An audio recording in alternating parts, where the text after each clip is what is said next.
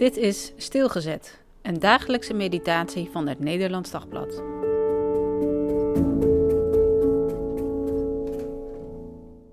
Grens 2 Samuel 3, vers 7 Saul had een bijvrouw gehad, een zekere Rispa, de dochter van Arja.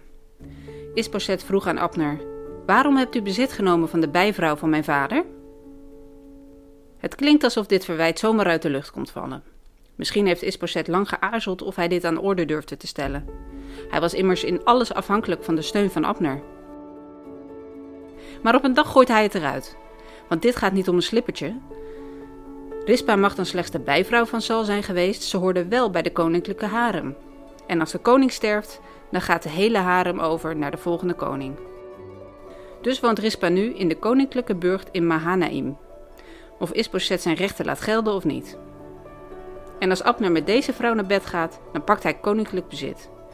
Alsof hij alles mag. En goed, Isboset laat vaak over zich heen lopen, maar ergens is een grens.